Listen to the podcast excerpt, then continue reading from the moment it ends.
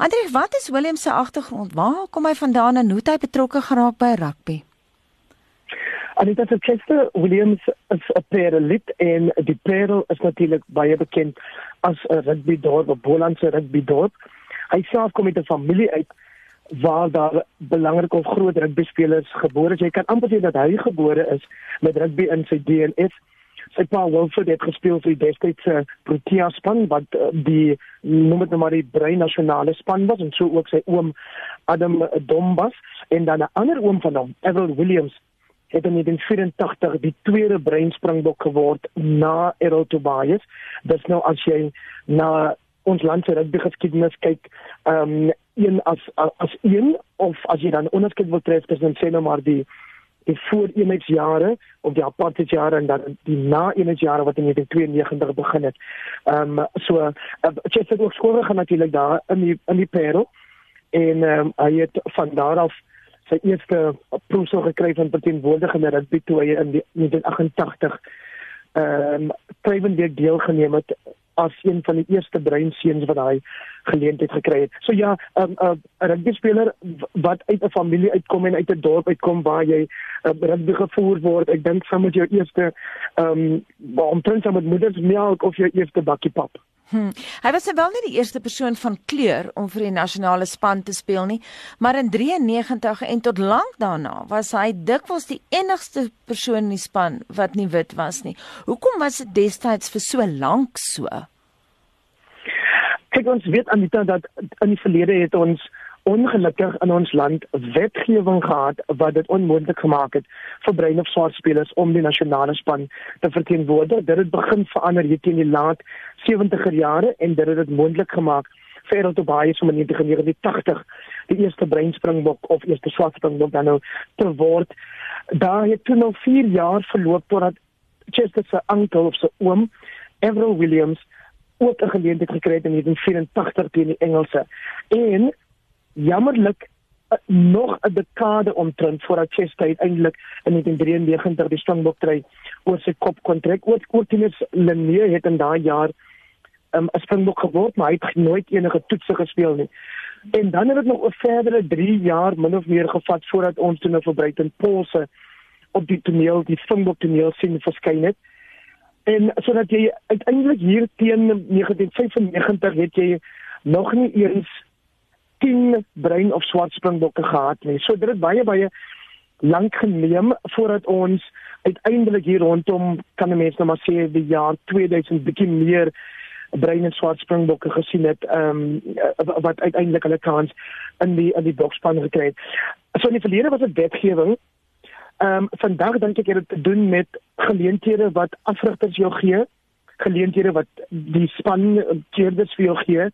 Ehm um, en ek dink in tot hoe mate franchises natuurlik moet maak dan weer dis iets waaroor Pieter de Villiers die eerste brein Springbok afrigter baie gepraat het dat as die franchises of die so sogenaamde provinsiale unies nie genoeg spelers geleentheid gee wat uiteindelik voorberei word om op Springbok vlak te kan speel, dan vir die Springbok afrigter dit was met daai dilemma. Maar ek dink ons het nou 'n vlak bereik waar jy werklik kan sê daar behoort nie daai soort struikelblokke te wees nie. Ons sien elke Saterdag hoe speel spelers wit, bruin en swart van die beste gehalte wat jy in die wêreld sien. So ek weet nie of vertroue dalk nou die nuwe struikelblok is nie. Hendrik, daar was destyds spanning tussen die rugby en die spelers en die anti-apartheidsfederasies wat die sportboikot teen Suid-Afrika gesteun het. Waar het Williams om te midde van hierdie stryd bevind? So Anita, daar's natuurlik 'n baie konteks en agtergrond wat by so 'n vraag of 'n antwoord vir so 'n vraag ingewerk moet word. Ek vat maar kort pad ter wille van van uh, van ons tydbeperking. So jy het in die ou dae die noem dit maar sommer die wit establishment gehad en in die onlangse verlede sal mense onthou dat jy um, die Dani Kruiven um, rugby raad en dan het jy gehad die sogenaamde federasie wat die Brein Unie was en die Suid-Afrikaanse rugby vereniging soos wat dit laas nog bekend was en dit was die swart vereniging. Dit was die aan die establishment kant. Dan het die twee teenoor hulle gehad SARU wat behoort het aan die sportliggaam SACOS en hulle het 'n beleid gehad wat hulle sal nie deelneem aan sogenaamde normale sport in 'n abnormale samelewing soos wat Suid-Afrika inderdaad toe nog was nie. Ehm um, Everal ekskuus ehm ehm ehm sy het net groot geword in 'n familie waar daar federasie rugby gespeel is. So soos baie ander jong seuns, ek self moet ek sê, het ons maar uit die huis uit dan soort van man net ingeval in waar aan ons bekend was of waar meer ons bekend was. Ehm um, ek dink nie dit was ooit 'n politieke besluit aan sy kant nie. Ek dink dit was gewoon maar net um, as jou dorp of jou buurt 'n klub het wat geaffilieer is by in A B of C, dan val jy maar daarby in. Maar ek sal wil wil hoop dat Chester met die tyd bewus geraak het van die hartseer verlede, die politieke verlede.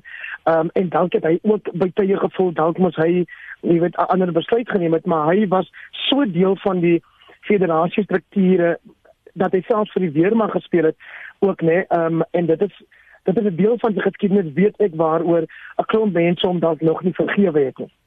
Hendrik, wat het die 95 wêreldbeker oorwinning vir hom beteken? Net kortliks Maandag het Anton na die feit verwys dat 4 van die spelers wat gekoppel was aan daai oorwinning nou al dood is, né? Nee? Ja, dit is waar. Ehm um, die 95 wêreldbeker het vir Chester Williams, jy kan amper sê die swart gesig van Suid-Afrikaanse rugby gemaak. Dit was net na ons eerste demokratiese verkiesing in 94. Dit was nadat ons in 94 ook natuurlik ehm um, of liewer in 92 jammer, uh, eenheid gesien het. 'n uh, uh, eenheid wat baie mense sê dalk nog steeds maar onvoltooid is. Maar Chester het toe ontpop as die gesig van wow, 10 jaar nadat sy oom 'n springbok geword het en wat is dit 15 jaar nadat Errol Tobias 'n springbok geword het, is hier weer 'n speler wat vir Suid-Afrika in die wêreld kan wys dat bruin en swart spelers ewe goed is as hulle gelyke geleenthede gegee word wat spankeuses aan betref. En jy weet ons was almal baie hartseer toe hy beseer is net voordat die toernooi begin het en almal baie bly toe hy sy terugkeer gemaak het. Ander het ook daarna verwys maandag en uiteindelik 4-3 gedruk het in daai eerste wedstryd wat hy te speel teen um, Samoa. So so Chester het het het 'n simbool geraak van van versoening in rugby op dieselfde vlak maar ongelukkig heel dikwels onderspeel as daai foto van François Pinaar en Nelson Mandela François die wit kaptein van die Springbokke, sy vierende Springbokke en Nelson Mandela die eerste swart president van die land.